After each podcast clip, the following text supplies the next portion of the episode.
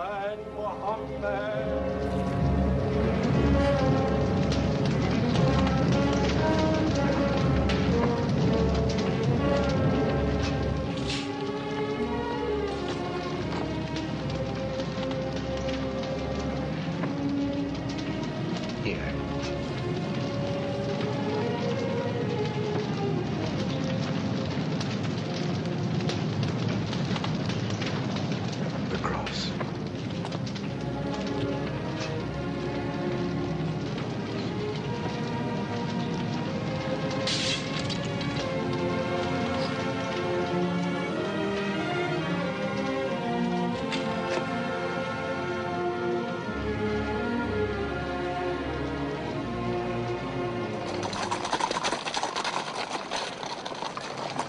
Islam mendorong umatnya untuk membuka pikiran dan cakrawala.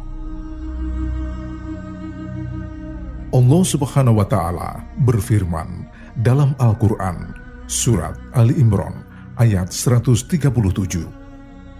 Bismillahirrahmanirrahim. قد خلت من قبلكم سنن فسيروا في الأرض فانظروا كيف كان عاقبة المكذبين Dengan nama Allah yang Maha Pengasih, Maha Penyayang. Sungguh, telah berlalu sebelum kamu sunah-sunah Allah karena itu berjalanlah kamu ke segenap penjuru bumi. Dan perhatikanlah bagaimana kesudahan orang yang mendustakan Rasul-Rasul.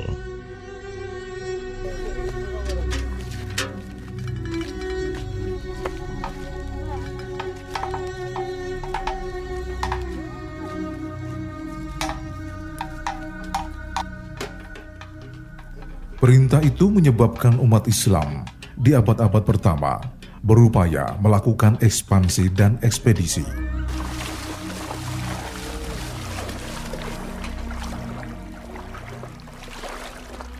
Selain dilandasi faktor ideologi dan politik, ekspansi Islam yang berlangsung cepat juga didorong insentif perdagangan yang menguntungkan. Hal itu yang menyebabkan umat Islam mulai mengarungi lautan dan menjelajah daratan untuk menyebarkan agama Allah Subhanahu wa taala.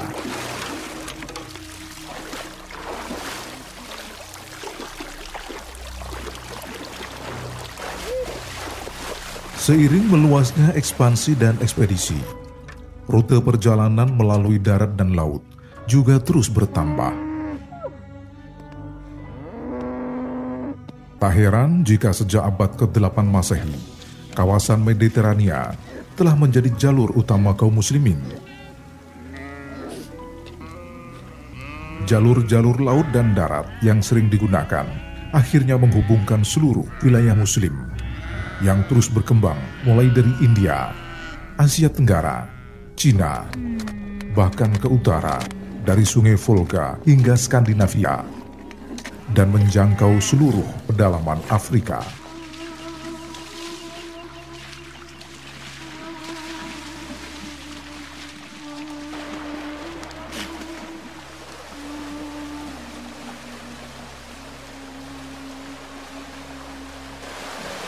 Ekspansi dan ekspedisi pada abad awal perkembangan Islam mendorong para sarjana dan penjelajah muslim mengembangkan geografi atau ilmu bumi.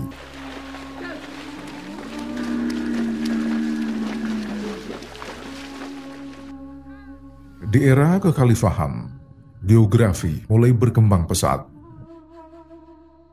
Perkembangan geografi ditandai dengan ditemukannya peta dunia serta jalur-jalur baru, baik perjalanan darat atau pelayaran. Umat Islam memang bukan yang pertama mengembangkan dan menguasai geografi. Bangsa Yunani dikenal aktif mempelajari ilmu bumi, dan beberapa tokoh yang berjasa mengeksplorasi geografi sebagai ilmu dan filosofi, antara lain Thales dari Miletus, Herodotus, Eratosthenes, Hipparchus, Aristoteles, Strabo, dan Ptolemy.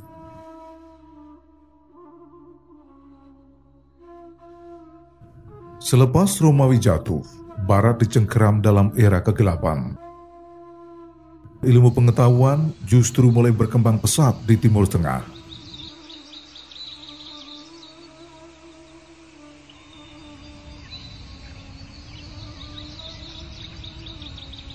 Ketika Khalifah Harun al-Rasyid dan Al-Makmun berkuasa, mereka mendorong para sarjana muslim untuk menerjemahkan naskah-naskah kuno dari bahasa Yunani ke bahasa Arab.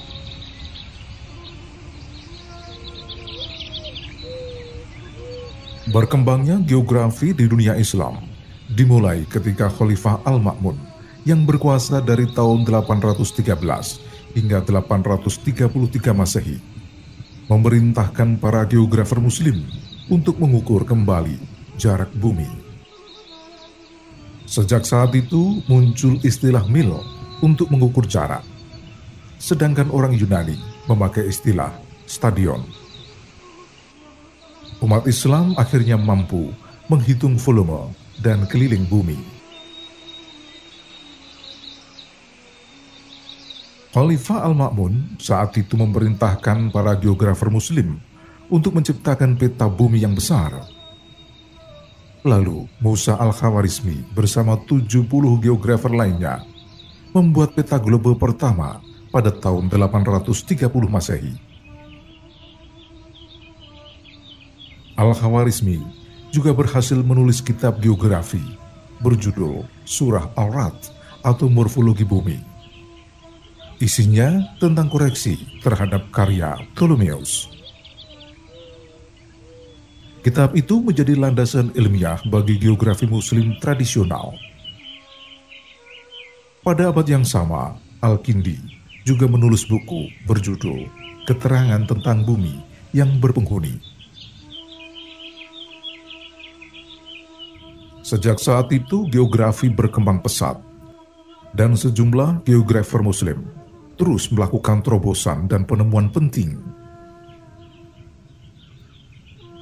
Di awal abad ke-10 Masehi, Abu Zaid al-Baqi mendirikan sekolah di kota Baghdad yang secara khusus mengkaji dan membuat peta bumi.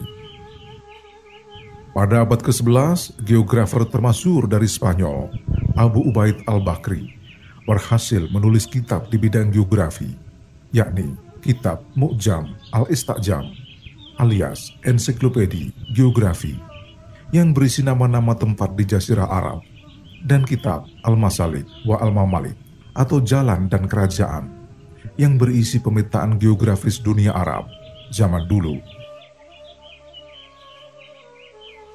Pada abad ke-12, Al-Idrisi berhasil membuat peta dunia, menulis kitab geografi berjudul Nasa Al-Muslak fi Iktira Al-Falak Sahabat kemudian, dua geografer muslim, yakni Kutubuddin Asirazi dan Yakut Arumi, membuat peta Laut Putih atau Laut Tengah yang dihadiahkan kepada Raja Persia. Penjelajah muslim asal Maroko, Ibnu Battuta, di abad ke-14, memberi sumbangan dalam menemukan rute perjalanan baru. Hampir 30 tahun Ibnu Battuta menjelajahi daratan dan mengarungi lautan untuk berkeliling dunia.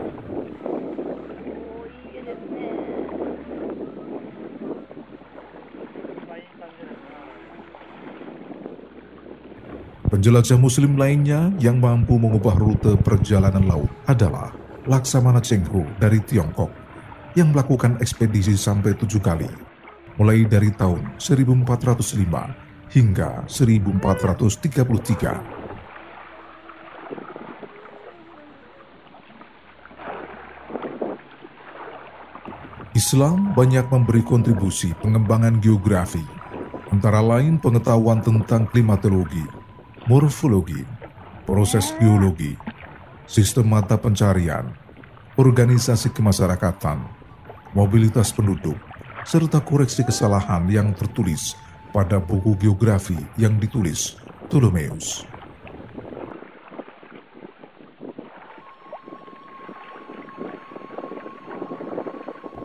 Karya-karya sarjana muslim seperti Hisam Al-Kabi, Al-Biruni, Ibnu Sina, Ai Istakhiri, Al-Idrisi, Musa Al-Khawarizmi, Al-Yaqubi, Ibnu Qurdadeh, Al-Dinawari, Hamdani, Ali Al-Masudi, Ahmad Ibnu Fadlan, Ahmad Ibnu Rustah, Al-Istakhar II, Ibnu Hawkal, Al-Baghdadi, Abdul Latik Mawafat, Ibnu Khaldun, serta Ibnu Batuta menjadi dasar pemicu kembalinya perkembangan ilmu pengetahuan, bukan hanya geografi, tapi juga dari berbagai ilmu lainnya.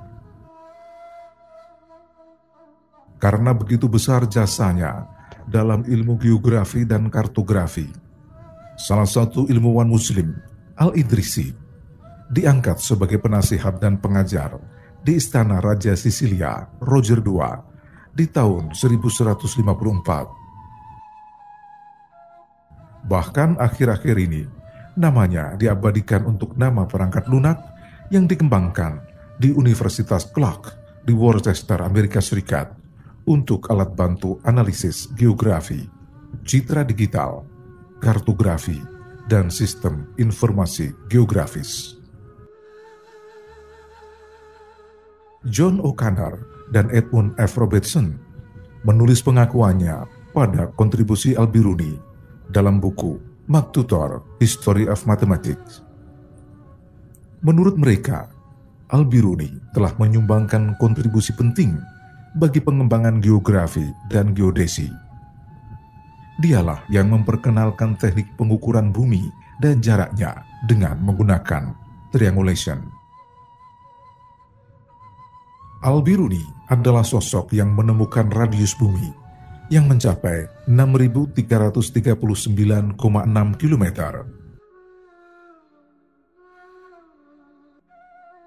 Hingga abad ke-16, ilmuwan barat belum mampu mengukur radius bumi seperti yang dilakukan Al-Biruni. Bapak sejarah sains, Joe Shelton, mengakui kontribusi sarjana muslim dalam pengembangan geografi dan geologi. Salah satu ciri khas yang dikembangkan geografer muslim adalah munculnya biogeografi. Hal itu didorong banyaknya orang Arab di era kekhalifahan yang tertarik untuk mendistribusi dan mengklarifikasi tanaman, binatang, dan evolusi kehidupan. Para sarjana muslim akhirnya mencoba menganalisis beragam jenis tanaman. Sarjana Barat Gustave Le Bon dalam bukunya Arab Civilization mengatakan, meski geografi sebagai ilmu pengetahuan telah dipelajari sebelum Islam, meski kaum muslimin belajar geografi kepada ilmuwan Yunani, namun ilmu dan kemampuan mereka melampaui guru-gurunya.